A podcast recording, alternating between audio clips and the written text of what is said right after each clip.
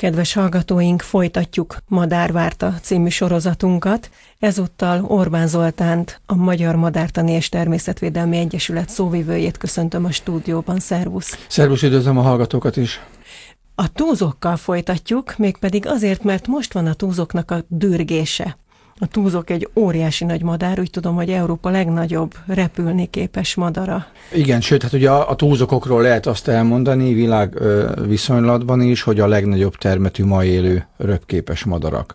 Ugye a mi túzokunknak a, a hímei olyan 16 kilósak. Nem sokkal marad el például ettől a súlytól egy hímbütykös hattyú, az is olyan 14-14 és fél esetleg Tehát nagyobb a túzok, kiló. mint a hattyú. Igen, tehát erőteljesebb a, a testalkata, igen. Úgy néz ki, mint egy felnagyított galamb, szürke a nyaka, barnás a begye, és a szárnyán van egy nagyon érdekes fehér minta, aminek a dürgésnél van jelentősége, hát nagyon jól látszik terepen, illetve a szárnya belseje is fehér, a hasalja fehér. Hát, hogyha már a dürgést említettük, mi ez a dürgés? Mit csinál a madár? Miért csinálja? Ez az udvarlási viselkedés. Ilyenkor a hímek dűrögve megküzdenek a hölgyek kegyeiért. Ugye nagyon fontos a természetben, hogy a, a lehető legjobb minőségű hímmel legyen fészekalja egy tojónak. Na most ezt hogyan lehet eldönteni? Hát ugye az embereknél tudjuk, hogy az, hogy megdumálom, az annyira nem, tehát ott, ott azért lehet ferdíteni a dolgokon. Éppen ezért ilyen nagyon egyértelmű technikák alakultak ki. Például a méret például egy viselkedés végrehajtásánál a pontosság. A dürgésnél az is a tojó számára döntő lehet, hogy például, amikor így felfújja magát a kakas, és kifordítja a szárnyát, és akkor ezeket a fehér paneleket mutogatja, hogy minél nagyobb termetű egy hím, annál erőteljesebb, annál inkább meg tudja majd védeni a területét, elűzni a ragadozókat. Tehát, hogy mekkora kiterjedésű az a panel, és mondjuk mennyire kitartó a dürgésbe. Ezek mind-mind szempontok, tehát kifordítja valahogy a szárnyát, és ilyen érdekes habos-babossá válik az egész madár, és akkor utána mit csinál? És ő? fel is fújja a torokzacskóját, hátraveti a fejét, és az egész elveszti a madár kinézetét, egy ilyen nagyon furcsa, hófehér, habos, fodros gömb megy ott a pusztában, ilyen, ilyen menetelő lépésekkel leginkább körbe megy. Nekem volt szerencsém Izraelbe pettyes túlzakot is nézni. Hát most elnézést, tehát az úgy nézett ki a távolból, mint egy megvadult WC kefe szaladgált volna, mert ugye hogy, tehát olyan, olyan furán tüskés kiállnak a fehér tollak, a madár jelleget tényleg elveszik, mert nem látjuk a, a fejét se, és ugye az az érdekes, hogy a túzok, mint talajon élő madár, alapvetően neki rejtőzködnie kell. Tehát még a hímnek is a háti része az szuper álcázó. És az a megdöbbentő ezekben a túzokokban, hogy amikor áll a talajon, normál üzemmódban, akkor szinte észrevehetetlen. Egy ilyen 16 kilós pulykánál is nagyobb madarat képzeljünk el és amikor pedig felrepül, akkor a szárnyaiban ez a fehér hatalmas panelek, tehát gyakorlatilag a szárnyának a jelentős része hófehér, meg a szárnybélés is, akkor ez például ugye a csapat összetartás segíti, követik a foltot, illetve megzavarja a ragadozót, mert azt látja, hogy a semmiből egyszer csak ott lesz egy csomó ilyen villogó panel. Azerbajdzsánban volt szerencsém több ezer 5-10-15 ezer reznek túlzokot látni felrepülni, és leszáll az a csapat, és abban a pillanatban elveszik, a nyílt pusztából 2 cm magas a fű, és amikor felrepülnek, akkor meg hihetetlen sok ezer ilyen hófehér villogó madár van előttünk.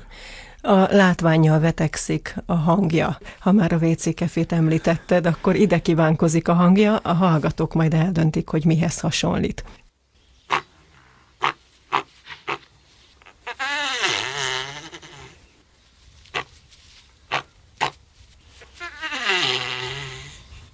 Ez a hang, ez csak dürgéskor jellemző, vagy egyébként Igen, is? de alapvetően ezek némák. Ilyenkor a, a dürgést kíséri hang, mert a hang is, tehát a hangnak akár az ereje, a minősége, egy ilyen nagy testű madárnál nem is feltétlen a hangerő, hanem a hangnak a mélysége lehet. De itt is például vannak olyan fajok, ahol ilyen nanoszekundum szinten kell mondjuk pontosnak lenni a hangnak. Tehát így döntik el a tojók, hogy melyik hímet válasszák és akkor ezért mennek ezek a dürgőhelyek. Úgy tudom, hogy Magyarországnak nagyon fontos szerepe van az állomány védelmében. Magyarországon hol látható túzok, és mit tesztek ti akár, vagy mit tesz a természetvédelem értük? Ugye a túzok azon madaraink közé tartozik, ami a közép-ázsiai, illetve hát a, akár az afrikai nagy nyílt pusztai szavannás élőhelyhez kötődik. Ugye Európa, különösen a történelem előtti időkben, mondjuk 4-5 ezer évvel ezelőttig nem igazán volt alkalmas Európa jelentős, hiszen egy erdősült terület volt. Tehát a közép-ázsiai pusztáknak a legnagyobb egybefüggő, azzal érintkező nyugati nyúlványa az a Kárpát-medence Magyarország mai területe. És alapvetően ezért hihetetlen értékes ez a madár, mert Európában itt van a közép-ázsiai madár. Hozzánk hasonló, a miénknél erősebb állománya az ibériai félszigeten van, de alapvetően, mivel nagyon nagy testű és az agrártájhoz kötődő madár, ezért ez az egyik legnehezebben megvédhető faj, és az óriási sikere az európai, és ezen belül mondjuk a magyarországi madárvédelemnek, természetvédelemnek, hogy sikerül stabilizálni ezt az állományt, és napjainkban olyan 1200-1600 egyed él hazánkban. Egyébként az ország egész területé jellemző volt, tehát a Dunántúlon is előfordult, de alapvetően a Dunatisza közén és a Tiszántúlon volt jellemző, illetve a Kisalföld térségében, ahol egyébként most is, és ezekben a percekben is zajlik magyar-osztrák közös túlzakvédelmi projekt. Mi az, ami bántja, mi veszélyezteti? Kicsit olyan nagy behemót esetlen madárnak néz ki, hát gondolom, hogy nem olyan könnyű neki megvédeni Az egész magát. világon a földgolyó szárazföldi területein a legnagyobb közvetlen problémát a nagyüzemű mezőgazdaság jelenti. Mert hogy a nagyüzemű mezőgazdasági területek kiterjedtsége ma globálisan meghaladja az erdőterületekét. És gondoljunk bele, benne vannak trópusi esőerdőv, és a hatalmas északi tajgaerdők. Tehát, tehát alapvetően ez az egyik gond, átalakítjuk a természetet, most hogyha egy madár ráadásul még a talajon is költ, ahol ugye járnak a munkagépek, ahol mondjuk szántanak, ahol költési időszakban mondjuk kaszálnak, vagy mint Magyarországon iszonyatosan túltartotta például a vaddisznóállomány. 1900-ban a magyarországi vaddisznóállományt vagy 7 vagy 9 ezerre becsülték. Napjainkban ezt nem tudja senki megmondani, hogy mennyi van, ilyen 250 és 700 ezer között, valószínűleg az 500 ezer plusz körüli állományról beszélünk.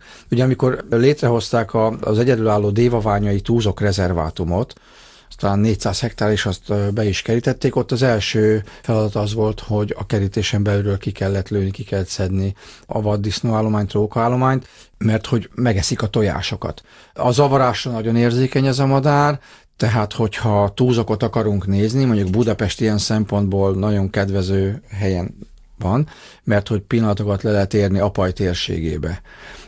Most egy védett területekről van szó, senkinek nem javaslom, és tilos is ott botorkálni a pusztába, pláne autóba, de szükségtelen is, mert hogyha ezeken a túlzok élőhelyeken autózunk, alacsonyabb rendű utakon, és még aszfaltútról beszélünk, akkor láthatunk ilyen madarakat egészen közel, de hogyha elkezdünk kiszállni, akkor bizony ezek a madarak 4-5-600 méter távolságból már felrepülnek, és a másik gond, hogy ezek erőteljesen repülő madarak nem repülnek nagyon magasan, és itt a probléma, hogy a repülési magasságokat szeli át a középfeszültségű és a nagyfeszültségű távvezeték hálózat drótjai.